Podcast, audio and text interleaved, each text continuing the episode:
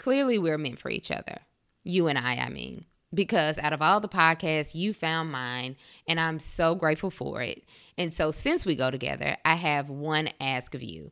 Please subscribe to the podcast and leave a review so that other people who happen to find this podcast as well will know exactly what they're in for before they hop right into the episodes. I thank you so much for listening, and let's get into it. This is Courtney Mason, and this is the Millennial Dreamers Podcast.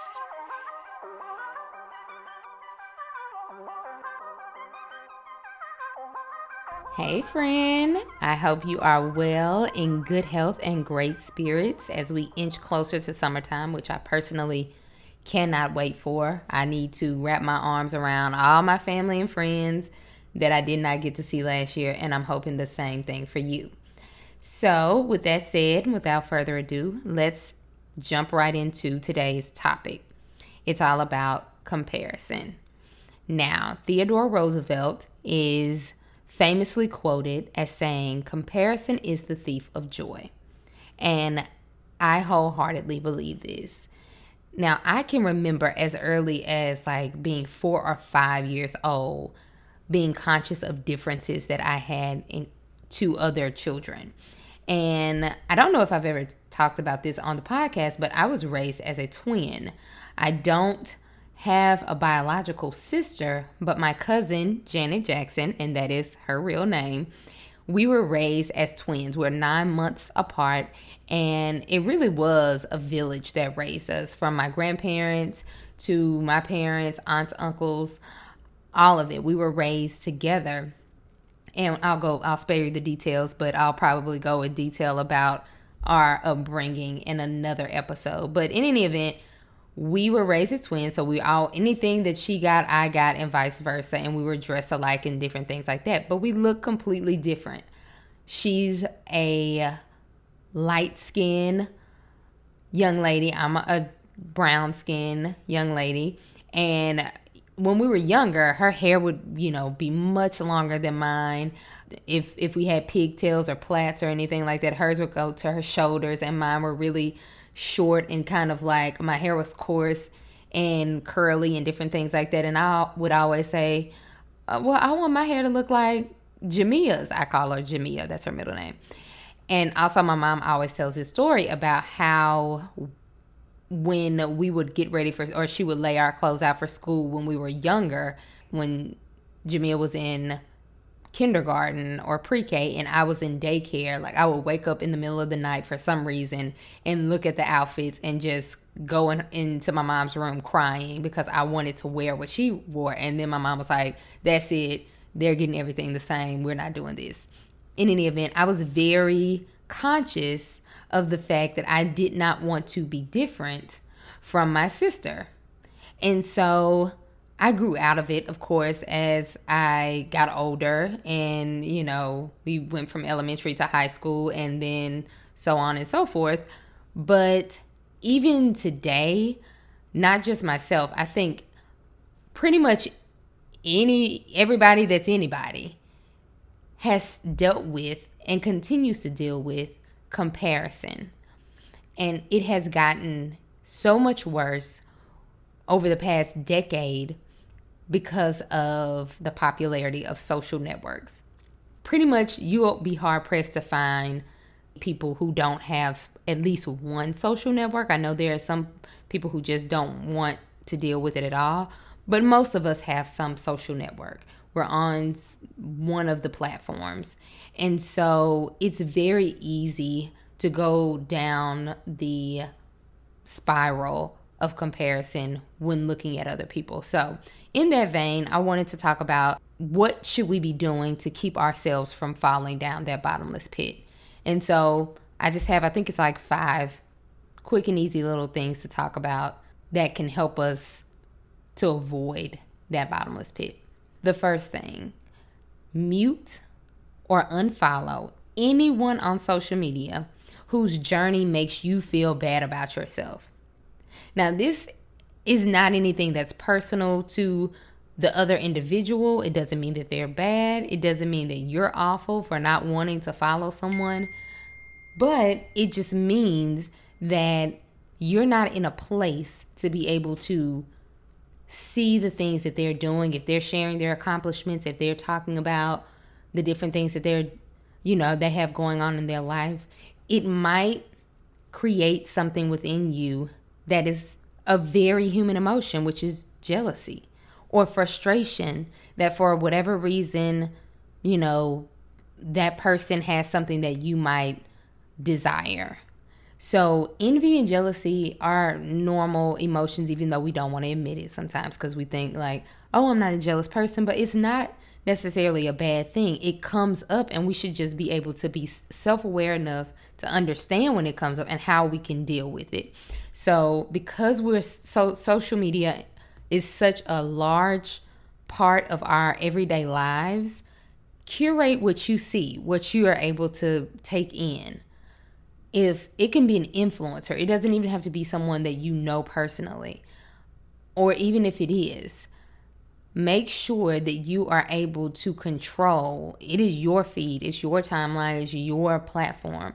You should be able to curate and control what it is that you're consuming so that you aren't falling down that comparison rabbit hole and feeling less than because you're looking at someone who has something that you have, or you're thinking, oh, I should have had this happen in my life by now. I should have the house. I should have the job that pays a certain salary. I should have children. I should have my partner.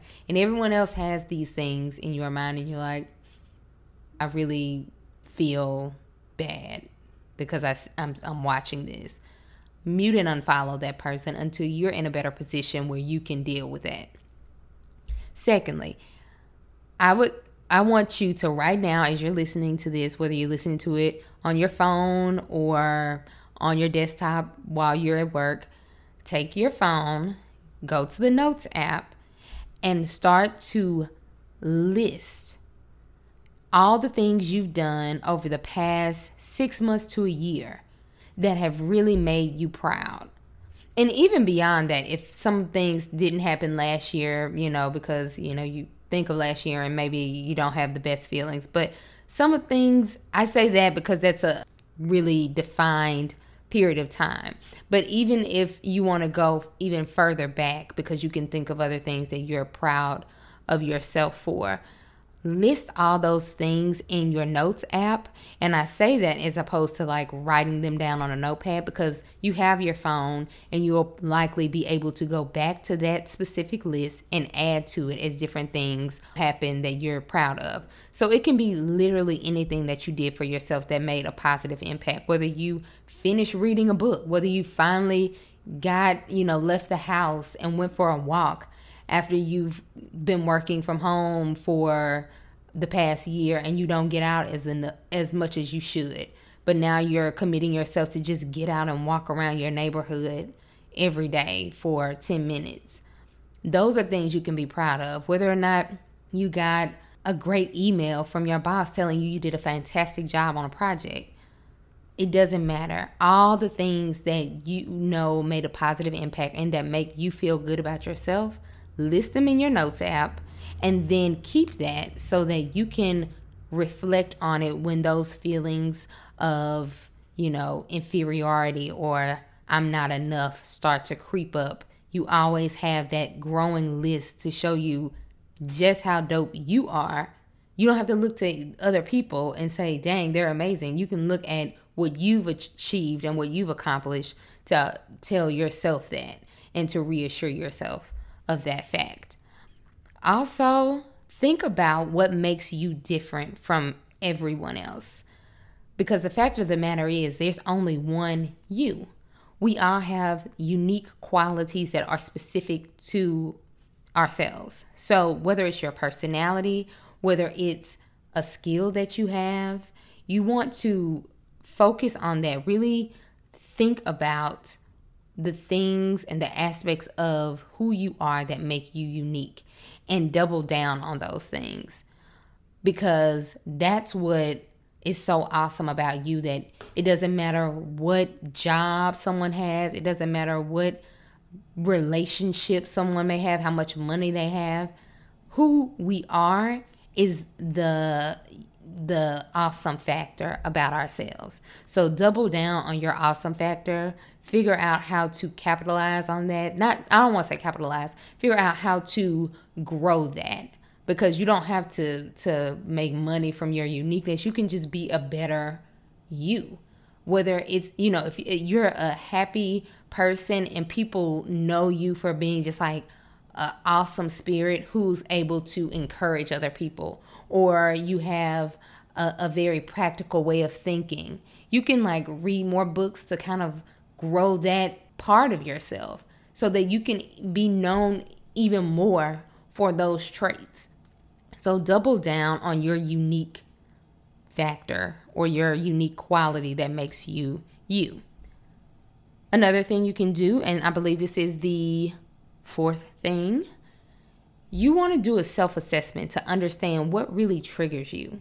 So I know we talked about social networks, that they play a huge role in that spiral of comparison, but it could be the people that are closest to you, whether it's like your family members or even just friends who are in your circle. Like you may have a girlfriend who is braggadocious in a way that you find distasteful. You love her, you love her down, and you are like, girl, I'm glad that you're able to do all these things, but you always are constantly throwing in our face that you've done this or this great thing happened or you know all of your accolades and it's tiring for you. You want to do a self-assessment and really understand what your triggers are so that when they show up you can really pinpoint okay i know what this is and i know how this makes me feel so let me try to avoid this situation or figure out a way to to deal with it and cope with it so i'm not um, it's not affecting my relationships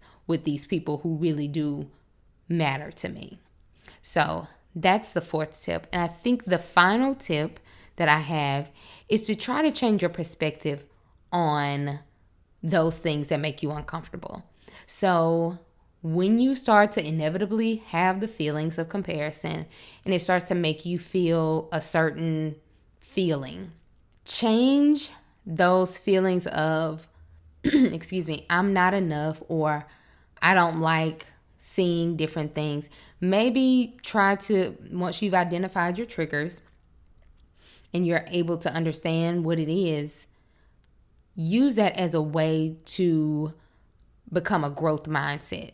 So, what I mean by that is it can be inspiration for you to develop yourself in the way that you might feel I don't you know, I'm not strong in this area, or this person did this and I haven't achieved. If achievement is the thing that makes you feel bad, figure out how you can achieve what you want because you have your own things that you hold dear and important that you want to see happen in your life. So don't focus so much on what they have and say, like, oh, I, I feel bad by seeing them achieve what they want for their individual and specific life lives, you want to look at what you want. And then from there, you can say, actually, I always, I said I was going to finish X, Y, and Z. I said I was going to do this. I said I was going to fill in the blank. And then use those feelings as motivation to start going towards the things that you identified.